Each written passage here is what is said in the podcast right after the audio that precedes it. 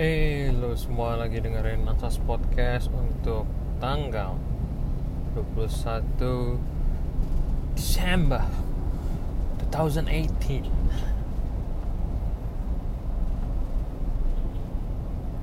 Jadi udah sebulan lebih kayaknya gua kagak bikin uh, podcast. Seperti yang uh, di awal-awal siaran siaran lagi. Podcast podcast awal gua gue sempat bilang ah mungkin aja gua bakalan uh, cuman bikin bentar doang. Awal-awal rajin lama-lama jarang lama-lama nggak buat lagi. Angkat-angkat tai ayam. Ya mungkin memang benar tapi ya setidaknya gue mencoba untuk tetap buat lah. Meskipun gue nggak tahu ini dengerin siapa. Tapi ada aja yang dengerin. Gue juga bingung. Ngapain sih didengar? Uh, gue lagi cuti cuti lagi. Jadi gue cuti uh, akhir tahun. Jadi gue cukup punya waktu lah untuk buat. Meskipun uh, sebenarnya udah lama sih cutinya tapi baru kali ini buat. Kemarin lagi uh, sibuk main sama ponakan gue ya gue mau ceritain pengalaman uh, cukup mengerikan lah. Cukup menegangkan ketika uh, gue naik pesawat kemarin dulu gue sempat bikin podcast kan uh, yang isinya mengenai data statistik kecelakaan pesawat di mana sebenarnya uh, persentase kejadian kejadiannya itu sungguh sangat kecil sekali dibandingkan uh, kecelakaan di darat maupun di laut. Gue mau ceritain kemarin pengalaman pertama gue menggunakan live vest. Lo tau kan ketika uh, di pesawat tuh ketika hmm, naik tuh selalu ada peragaan entah video entah pramugarinya yang memeragakan mengenai cara penggunaan live vest. Percayalah, itu akan sangat berguna ketika uh, benar-benar hmm, ada kejadian yang mengharuskan para pengguna untuk para penumpang sorry untuk memakai live vest. Di mana itu yang terjadi sama uh, gua kemarin jadi di salah satu penerbangan gua nggak mau sebut maskapainya. Karena hmm, gimana ya uh, maksudnya gua adalah orang yang nggak uh, suka untuk posting hal-hal yang buruk mengenai suatu seseorang maupun sebuah perusahaan. Uh, ketika uh, misalkan gua nggak suka sama sesuatu, misalkan uh, internet provider gua error, nggak jalan internetnya, gua bukan orang yang langsung posting di sosial media bilang ah internet provider gue busuk. Tolong dong uh, customer service bla bla bla bla bla. Uh, gue sih lebih memilih untuk langsung nelpon customer service-nya untuk nanya uh, ini ada apa ya? Kenapa uh, internetnya nggak jalan?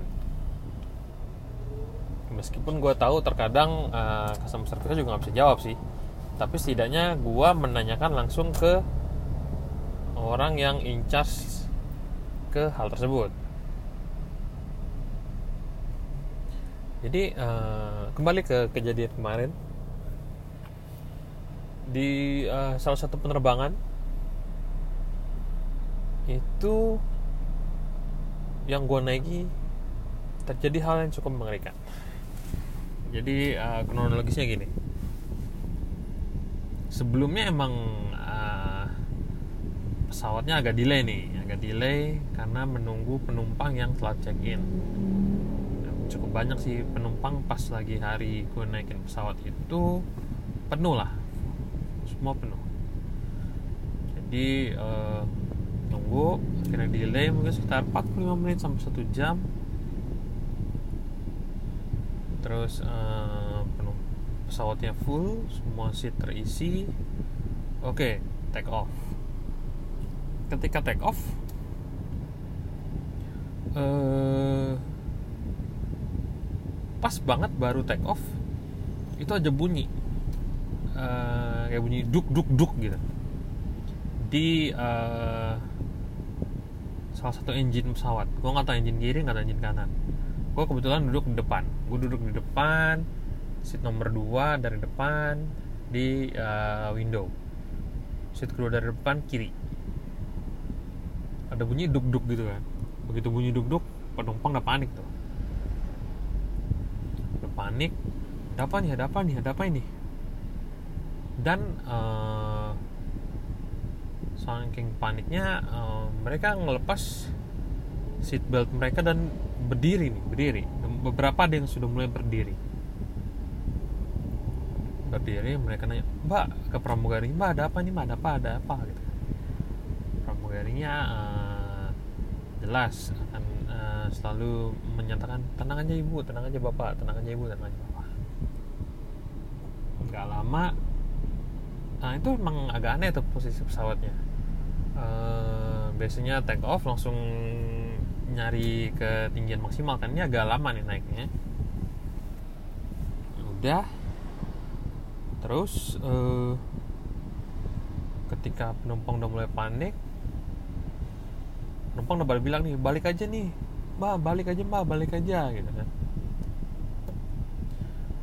Jelas nggak uh, mungkin dong uh, pesawat mundur kayak mobil gitu kan.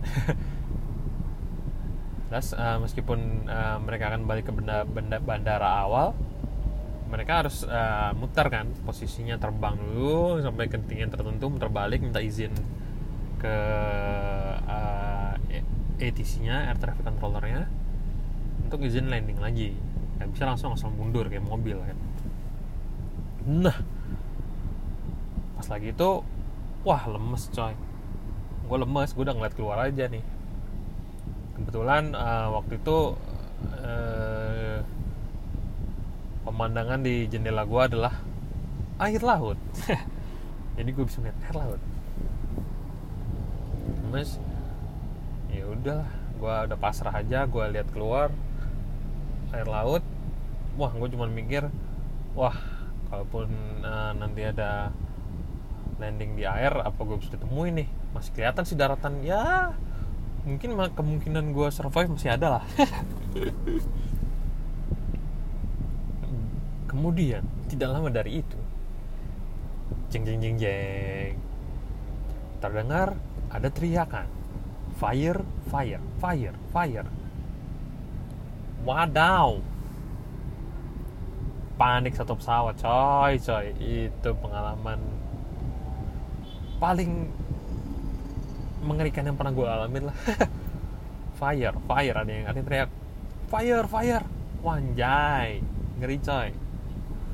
Pramugarinya panik. Ngambil uh, alat pemadam apar apar alat pemadam api ringan yang ada di pesawat. Refleks gue liat ke belakang. Set. Ada apa-apa nih. Nggak ada api nggak ada asap nggak ada apa-apaan. Wah penumpang udah panik gitu panik sepanik paniknya. Gue udah lemes aja nih. Gue udah lemes. Setelah uh, di satu titik di mana uh, eh, sempat terlintas di pikiran gue oh ternyata cuma sampai sini perjalanan gue terus gue lihat keluar air laut dan gue berpikir oh ternyata di sini uh, peristirahatan gue terak terakhir gue asik. Ya udahlah. Itu titik di mana gue pasrah dan tidak bisa melakukan apa-apa. Di saat penumpang lain panik beberapa ada yang sudah histeris berteriak. Gue cuma duduk doang lemes sambil ngeliat keluar. Dan ternyata tidak ada api. Gue nggak tahu siapa yang teriak fire fire itu tapi eh, kenyataannya nggak ada api. Emang nggak ada. Nggak ada api pramugarinya balik eh, mereka bilang bapak ibu untuk berjaga-jaga tolong eh, menggunakan jaket pelampung yang ada di bawah kursi bapak ibu. Itulah titik pertama kali gua eh, pernah memegang eh, live vest. Selama ini gue berpikir live vest itu nggak ada plastiknya ya. Gue berpikir wah ini live vest yang dipakai untuk peragaan pramugari ini udah buluk nih jangan-jangan di bawah kursi juga udah buluk nih. Ternyata enggak. Eh, live vest yang ada di pesawat itu dibungkus plastik dan sealed. Plastiknya tuh sealed. Jadi eh, kemungkinan untuk rusaknya live vest untuk tidak digunakan tuh cukup kecil sih menurut gua. Eh, plastiknya masih bagus. Ya udah dibuka sealnya dipakai live vestnya di situlah karena panik eh, orang-orang pada bingung pakai live vest itu gimana. Padahal eh, kalau lihat di peragaan pramugari atau di video itu gampang kan cuman masukin ke kepala eh, ikat talinya udah kelar. Wah kalau lagi panik susah coy. Asli. Bahkan gua aja yang nggak ngapa-ngapain dan berusaha tenang itu makanya susah. Itulah eh, pentingnya peragaan yang dilakukan pramugari. Baru pertama kali gue tahu. Ternyata itu penting coy. Aduh. Jadi eh, lanjut lagi. Satu pesawat sudah pakai tuh. Udah pakai FS pramugari udah bilang jangan dikembangkan dulu. Ini hanya untuk jaga-jaga. Tapi beberapa orang ada yang udah naik tuh eh, talinya. Jadi mengembung lah itu eh, live vest kan bunyinya tuh pes pes setiap kali ada yang bunyi gue kira ada eh, apa nih? Ada bagian dari eh, pesawat yang lepas. Ini kayak ada bagian yang copot gitu loh. Gue cukup panik lah itu ngeliatnya. Gue selalu ada mimpes gue lihat ke belakang. Oh ternyata bunyi uh, live yang dikembangin. Uh, singkat cerita uh, pesawat udah mulai stabil. Eh bukan, bukan stabil sih emang nggak pernah goyang sih jadi uh, pesawat kayak udah posisi udah aman udah cukup tinggi juga penumpang masih minta pada balik. Uh, tapi uh, akhirnya pilotnya bilang uh, kita akan lanjut ke tempat tujuan penerbangan. Wah penumpang itu udah mulai sewot dah. Waduh gimana ini? Pilotnya nih oh ja- terlalu maksa ini. Terlalu maksa ini. Oh, pesawat kayak gini seharusnya nggak boleh eh, sampai tujuan nih kita harus balik nih kayak gitu gitulah. Dan eh, yang aneh adalah di saat eh, yang bisa dibilang krisis bukan krisis ya apa ya? Kritis lah mungkin ya bisa dibilang kritis lah itu eh, beberapa orang sempat sempatnya melakukan selfie? Gue bingung sih. Eh, apa esensi di mana eh, di saat kritis lu malah selfie? Sama temen sekitar. Gue bingung sih. Apakah emang eh, zaman sekarang ini udah segitu apa ya ngeri ya? Kenapa saat kritis orang malah selfie? Gue bingung sih. Eh lalu singkat cerita pesawat aman sampai ke bandara tujuan dengan selamat di situlah mulai lagi muncul uh, karakteristik orang asli manusia di mana uh, selalu merasa uh, benar dan sok tahu. Maksud gue gini hmm, pas lagi kita udah landing dengan selamat hmm, barulah mulai uh, orang-orang tuh berasumsi tuh. Wah ini kayaknya uh, karena kepenuhan nih uh, overload nih overload nih. Uh, kayaknya tadi penumpangnya kelebihan nih pasti nih. Makanya keberatan jadi pas take off uh, pesawatnya susah nih uh, di situ lagi gue berpikir hmm, kenapa orang-orang ini bisa segitu cepatnya mengambil kesimpulan dari hal-hal yang uh, mungkin dia nggak punya kapasitas untuk menjawab itu tetapi dia segitu yakinnya akan uh, opini dia. Dan mm, entah kenapa hampir uh, 80% lah. 80% orang yang ngoceh-ngoceh ketika baru landing kan itu masuk bus dulu tuh sampai ke terminal kedatangan. Mereka mengambil kesimpulan yang sama. Iya nih pasti karena kepenuhan nih karena kepenuhan nih. Gue sih entah kenapa nggak bisa berasumsi itu sih mungkin bisa aja karena emang karena kepenuhan. Tapi kan nggak menutup kemungkinan uh, emang ketika mau naik pesawatnya ada emang ada trouble di engine-nya mungkin digigitin tikus kita, kita tidak pernah tahu. Atau mungkin eh, bahan bakarnya nggak bagus bahan bakarnya oplosan nggak tahu deh. Nah eh, besoknya eh enggak ya malamnya atau besoknya lah ketika habis kejadian itu Hmm, beberapa Facebook orang ada yang posting tentang hal itu. Dan e, beberapa orang kantor gue baca dan sempat nanya ke gue dan cerita yang beredar di Facebook dan di masyarakat itu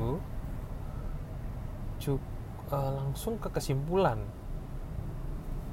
Kesimpulannya yang tadi gue bilang uh, terlalu penuh sehingga menyebabkan pesawatnya kayak gitu.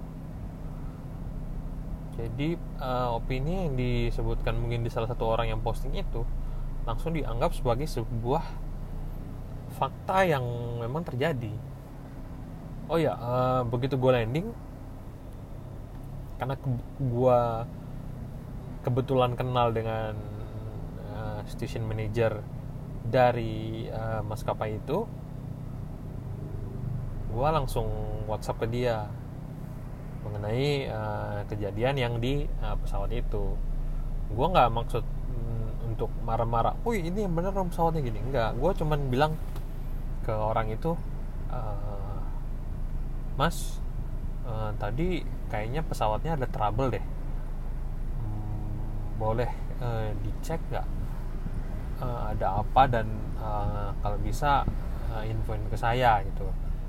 Karena gue emang pengen tahu kan karena ada apa dengan pesawatnya itu. Nggak lama habis gue WhatsApp uh, orang station manager itu nelfon gue ini nanya detail kejadiannya kayak gimana. Ya udah gue ceritain aja. Yang sama seperti yang gue uh, ceritain di podcast podcast ini. Yang dibilang oh ya mas. Uh, nanti saya cek nanti saya update uh, uh, kenapa kenapanya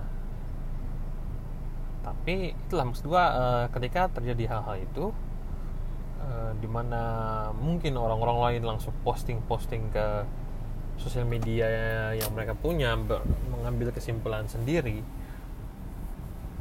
uh, menurut gue sih alangkah lebih baiknya kita langsung karena lu kenal sama orang yang punyanya maksudnya orang yang bekerja di sana mungkin lu bisa tanya ke dia uh, komplain ke dia dengan baik tentunya menanyakan apa yang terjadi sebenarnya dibandingkan lo posting ke sosial media yang akhirnya nanti akan membangun opini publik yang belum tentu benar gitu. Dan itu uh, ngerinya di zaman sekarang ini. Di mana uh, hmm, yang benar itu adalah yang hmm, mempunyai yang paling banyak hmm, diketahui oleh umum. Dan yang diketahui umum itu bisa aja merupakan sebuah hmm, apa ya namanya deh ya? Penggiringan opini lah atau uh, opini yang dibangun. Kan ngeri kayak gitu. Zaman sekarang ini. Ya begitulah pengalaman yang uh, cukup mengerikan yang gue alami. Gue uh, cerita ini ke teman gue terus dia uh, langsung bilang wah kapan nih uh, bakal lo ceritain di podcast? Uh, ya sekarang lah ini. Buat uh, temen gue namanya Rossi Prasetya ini bro. Gue ceritain deh podcast sesuai request lo. Diminta dijadiin bintang tamu coba. Anjay. podcast abal-abal yang ini menjadi bintang tamu ngomongin apa kita bre? Aduh. gila nih Jakarta macet banget nih. Aduh. Yaudah deh. Uh, mungkin segitu dulu ya untuk episode kali ini sebuah episode egois di mana gue menceritakan tentang diri gue tentang pengalaman gue tentang eh kejadian yang cukup mengerikan pengalaman yang uh, mungkin akan gue kenang sumber hidup gue yang gue ceritakan ke lo semua yang mau dengar